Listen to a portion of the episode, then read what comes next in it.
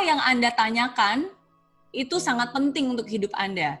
Hmm. So be careful of what you are asking gitu. Jadi apa yang Anda tanyakan? Nah, banyak orang ini anggap aja anggap aja deh simple ya. Sekarang kan Anda bisa naik ngetik di Google kan. Kalau ngetiknya uh, misalnya ngetiknya kenapa saya sial, ya pasti keluar begitu banyak alasan kenapa Anda sial. Tapi kalau Anda ketik gimana caranya supaya bisa sukses, keluar juga tuh begitu banyak cara untuk bisa sukses. Nah, jadi ketika Anda berhadapan di dalam sebuah situasi, ingat yang paling penting sebenarnya selain afirmasi, tapi sebelum afirmasi itu pertanyaan. Apa yang Anda tanyakan terhadap diri Anda? Oke, okay? kalau misalnya Anda bertanya, aduh kok saya sial banget ya, kok saya orangnya nggak bisa ini ya, ya nanti akan ada muncul tuh jawaban kenapa Anda sial, kenapa Anda nggak bisa. Bukan salah Anda, eh bukan salah siapa-siapa, karena Anda yang nanya seperti itu, makanya disadarkan seperti itu. Tapi kalau Anda tanya, oke, okay, situasinya seperti ini, apa yang saya bisa lakukan supaya saya bisa mengubah ini menjadi kesempatan? Oke, okay, apa skill yang harus saya pelajari? Oke, okay, uh, eh, apa pembelajaran nih yang harus saya ambil dari situasi buruk ini? Kan udah buruk nih, kalau buruk buruk terus rugi dong. At least kita harus mengambil pembelajaran dari situasi yang tidak baik ini. Nah, jadi kalau Anda bertanyanya seperti itu, baru muncul dunia hidup ini akan memberikan jawaban atas pertanyaan Anda. Kalau tadi Pak Yanci bilang gimana ya caranya uh, cari Miss Mary, akhirnya muncul kan oh ya kalau gitu mungkin uh, karena dulu Miss Mary sering apa bertemu dengan Pak Ciputra berarti uh, sekretarisnya Pak Ciputra kenal dekat sama Miss Mary. Akhirnya gitu kan. Tapi coba kalau mungkin bertanyanya um, iya kenapa ya kok Miss Mary nggak mau um, apa nggak mau uh, menjawab ya? Wah mungkin Miss Mary sibuk kali. Oh mungkin uh, mungkin nggak mau kali ini segala macam dan seterusnya. Iya jadi negatif kan. So be careful of what you ask. Itu penting banget ini jawaban saya pribadi ya. Saya saya selalu percaya bahwa uh, kita harus susah dulu supaya ketika kita sukses nanti kita lebih appreciate. Kita lebih appreciate karena untuk mendapatkan itu nggak mudah, sangat nggak mudah. Um, ada ada banyak ada banyak keuntungan atau banyak hal positif yang didapatkan kenapa kita itu harus susah. Ya pertama menurut saya kita itu harus proses di hidup ini tuh nggak ada yang namanya instan Gak ada yang namanya instan. Semua butuh proses, semua butuh waktu. Manusia itu butuh proses, butuh waktu. Jangankan manusia, Tuhan aja untuk membangun, menciptakan alam semesta ini bukan cuma sedetik, semenit, tujuh hari, ya kan? Hari pertama dia buat ini dulu, hari kedua itu aja butuh proses. Kan kalau dia mau sebenarnya kan Tuhan bisa, ya udah semuanya dijadiin sekejap, langsung jadi semuanya. Tapi kan enggak, dia kan bertahap, tahap demi tahap, butuh proses begitu juga ketika kita lahir juga butuh proses kan? Sembilan bulan kita dikandung dilahirkan. Jadi menurut saya itulah itu kodratnya.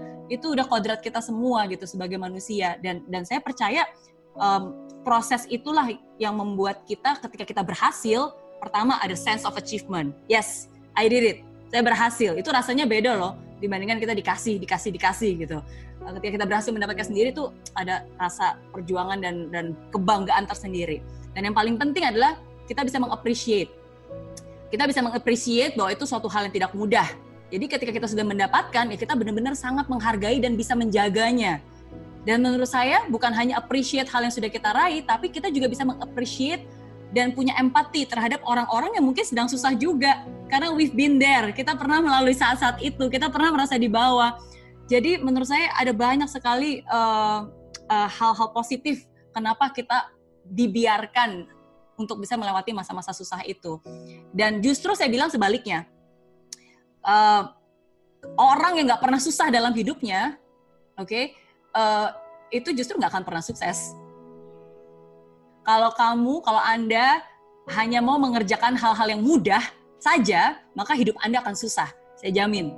Oke, okay? tapi kalau anda mau tetap berproses, tetap melakukan walaupun susah, dari situ akan terus terbentuk. Kalau semua orang itu mudah, mudah, mudah. Dari kecil dikasih kemudahan, apa pun yang dimau diminta dikasih, dikasih, dikasih, mudah semua. Ya dia nggak akan punya persistence, dia nggak akan punya ketangguhan, dia nggak akan punya namanya rasa juang gitu, karena semuanya juga dikasih, dibiarkan gitu kan dikasih.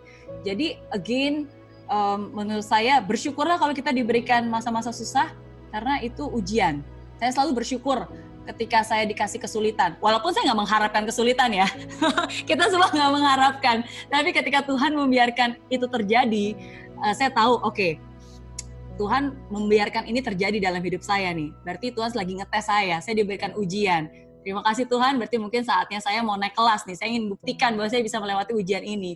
Walaupun kadang-kadang ada saat di mana saya merasa, aduh ujian saat ini susah banget ya. Kok Tuhan yakin banget sih saya bisa melewati semua ini. Kalau Tuhan, kalau saya gagal gimana ya kan? Ya tapi again, kita percaya. Ya kuncinya pede.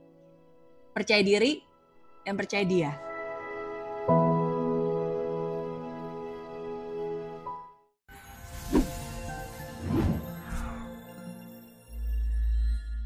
Aplikasi Mary Riana tersedia lengkap video-video YouTube terbaru saya, artikel yang up to date, quotes inspirasi, koleksi merchandise, workshop dan seminar yang bisa kamu dapatkan free dan download sekarang juga gratis.